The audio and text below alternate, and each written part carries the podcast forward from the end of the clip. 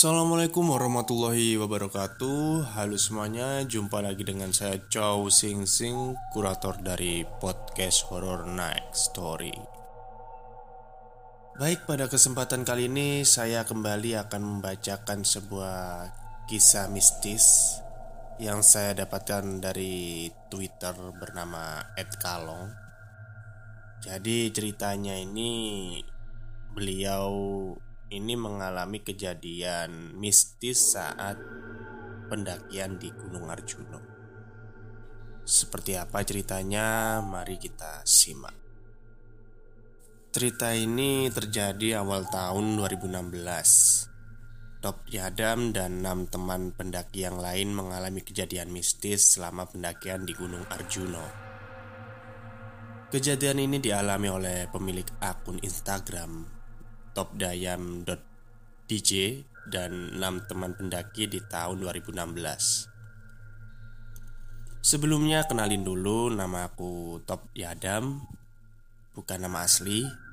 Aku kerja sebagai disjok di salah satu kota di Kalimantan. Oke kita langsung saja menuju ke ceritanya.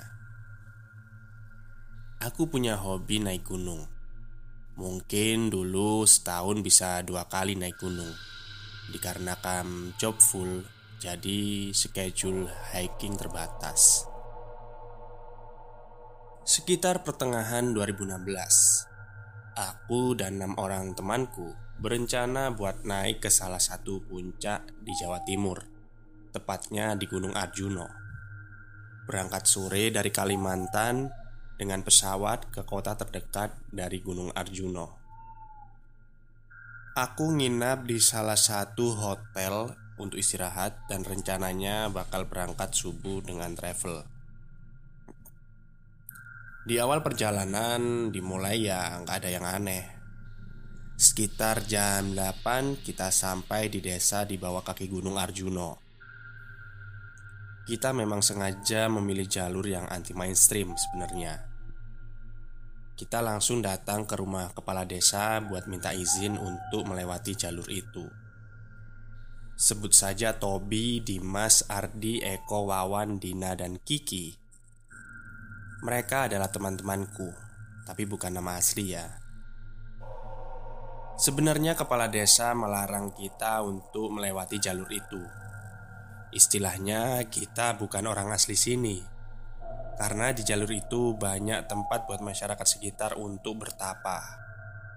Dan karena kita berpikir untuk lewat jalan pendakian normal tersebut butuh waktu yang agak lama, jadi kita berusaha meyakinkan kepala desa bahwa kita akan menjaga sikap ketika melewati jalur tersebut.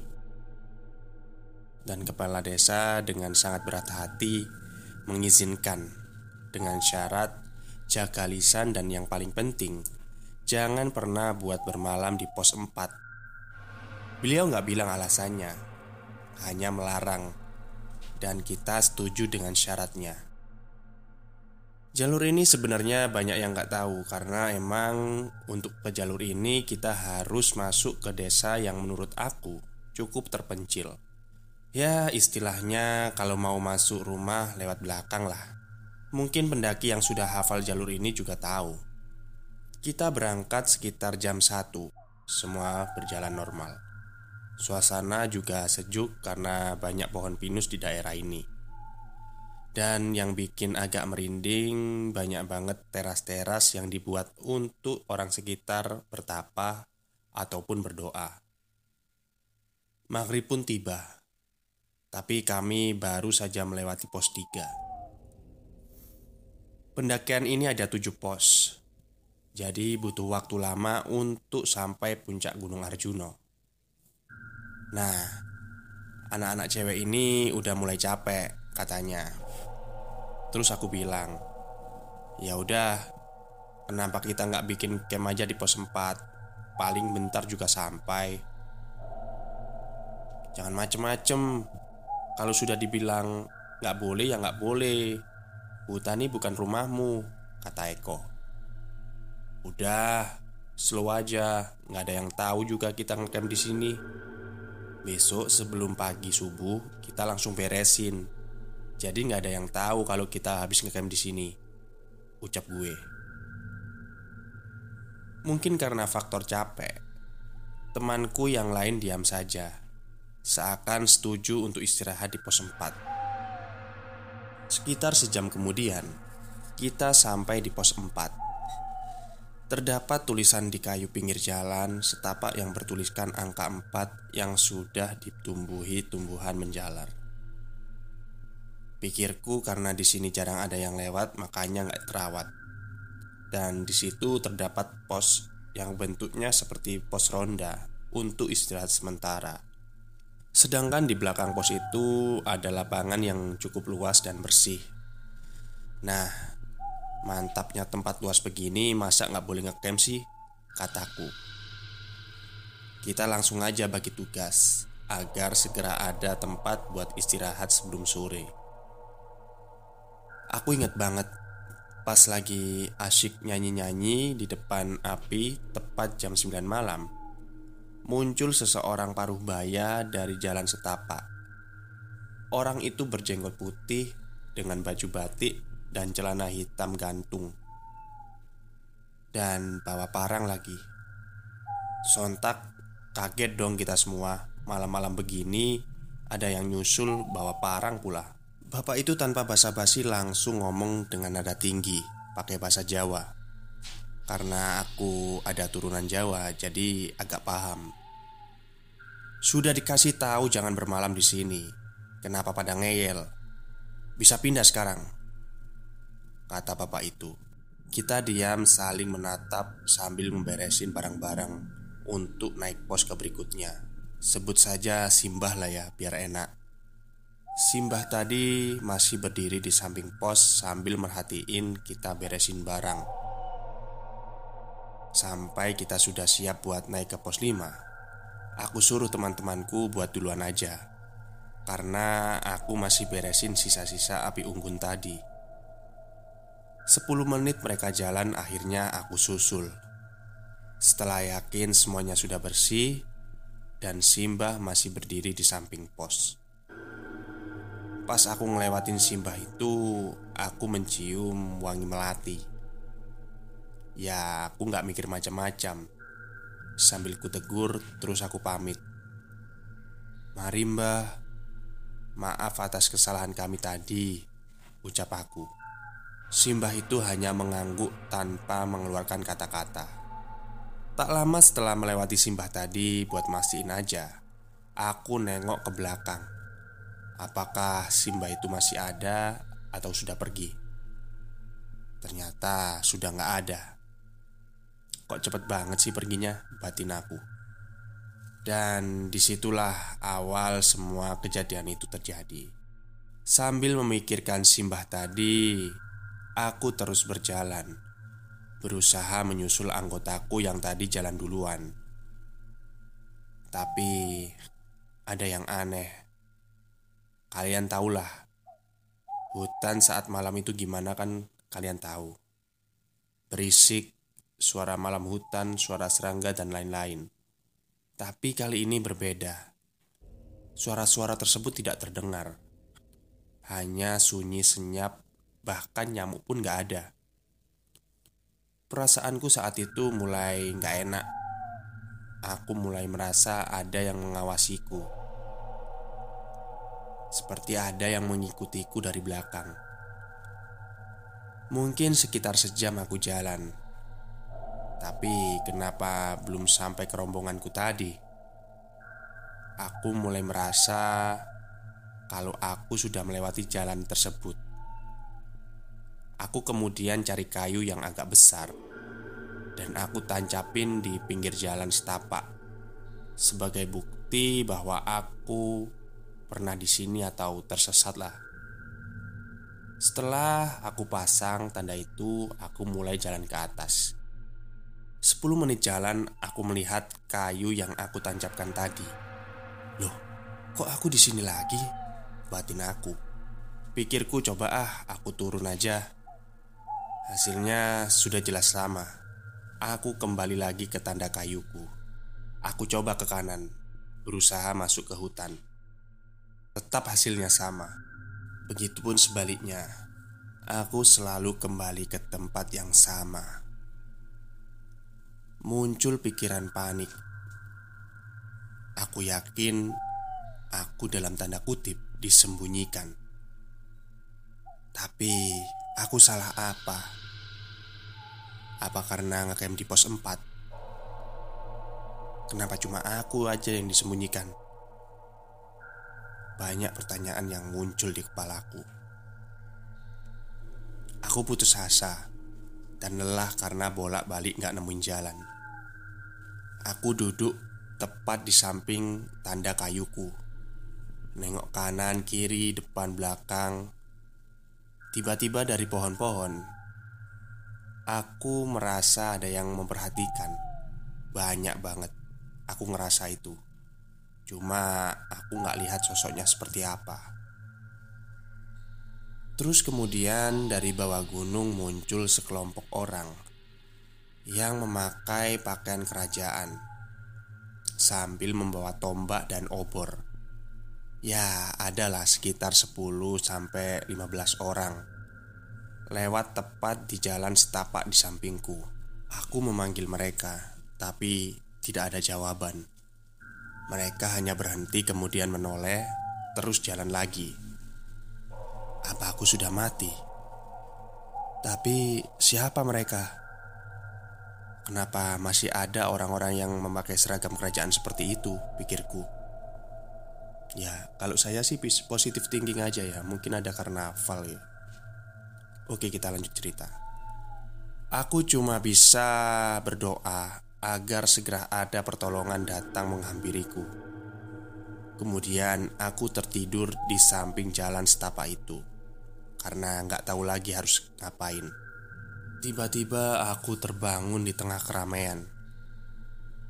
Ah, akhirnya aku selamat, pikirku.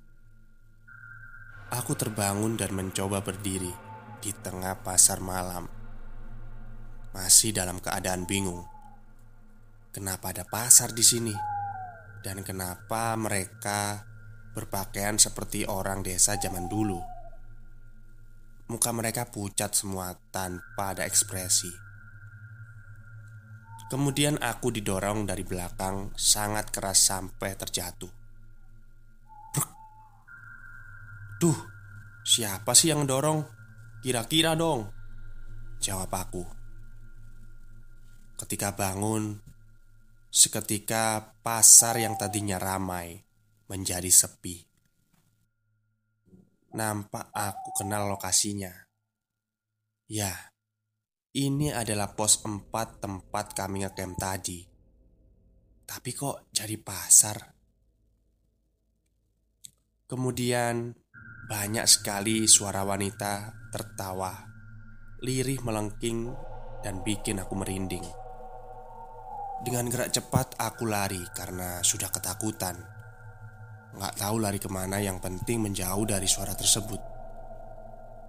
Terus aku melihat seperti ada pondokan di tengah hutan. Aku berhenti di situ karena merasa aman.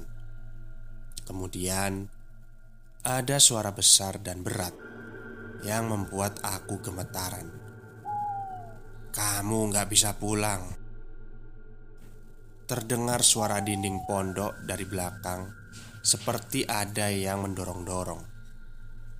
Rame banget. Pokoknya serasa dinding itu mau roboh lah. Mereka berusaha mendorong dinding tersebut sambil tertawa cekikikan. Sontak Aku lari keluar pondok Bodohnya aku. Kenapa harus noleh? Di samping pondok itu banyak makhluk yang di luar logika manusia. Bukan setan seperti yang kita tahu. Lebih ke persilangan manusia sama binatang lah pokoknya. Makin gemetaran semua badanku. Sambil lari Akhirnya aku sampai ke jalan setapak Tempat tanda kayu tadi Aku duduk sambil nangis putus asa Asli putus asa banget waktu itu Tiba-tiba muncul sosok Simba Dan ternyata itu adalah Simbah yang menegur waktu aku ngecamp di pos 4 tadi Aku mematung tanpa bisa berkata ataupun melari. Lemes semua badanku. Dia perlahan melilit badanku sampai nggak bisa nafas. Aku pasrah. Aku nggak punya ilmu agama sedikit pun. Cuma bisa pasrah waktu itu. Yang ku ingat, aku kehabisan nafas dan pingsan. Tiba-tiba aku terbangun, masih di tanda kayu tadi. Ada nenek-nenek yang menghampiriku dan berkata seperti ini. Kalau dikasih tahu orang tua itu nurut, jangan ngebantah. Tempatmu mendirikan kemah sama temanmu tadi itu ada hal gaib. Sudah dikasih tahu malah berkata tidak sopan. Simba lihat kamu mirip seperti cucuku. Aku bakal bantu kamu keluar dari sini. Ingat, ini bukan rumahmu. Jaga lisan dan jaga sikapmu. Pergilah kamu cari sumber air, kemudian kamu berwudu. Lalu pergi dari sini. Kata Simba. Aku hanya mengangguk. Kemudian ada suara dari kiriku. Aku menoleh ke kiri. Tiba-tiba Simbah itu sudah tidak ada. Nggak tahu kenapa. Tiba-tiba aku mendengar ada suara percikan air. Ada sungai kecil mirip parit di belakang pohon besar. Aku langsung berwudu di sana. Kemudian balik ke jalan setapak dan berusaha memejamkan mata. Dan akhirnya aku tidur. Belum lama aku tidur, aku merasa ada yang membangunkan. Benar saja, saat aku bangun, sudah banyak warga dan enam teman-temanku yang ternyata sudah tiga hari mencariku.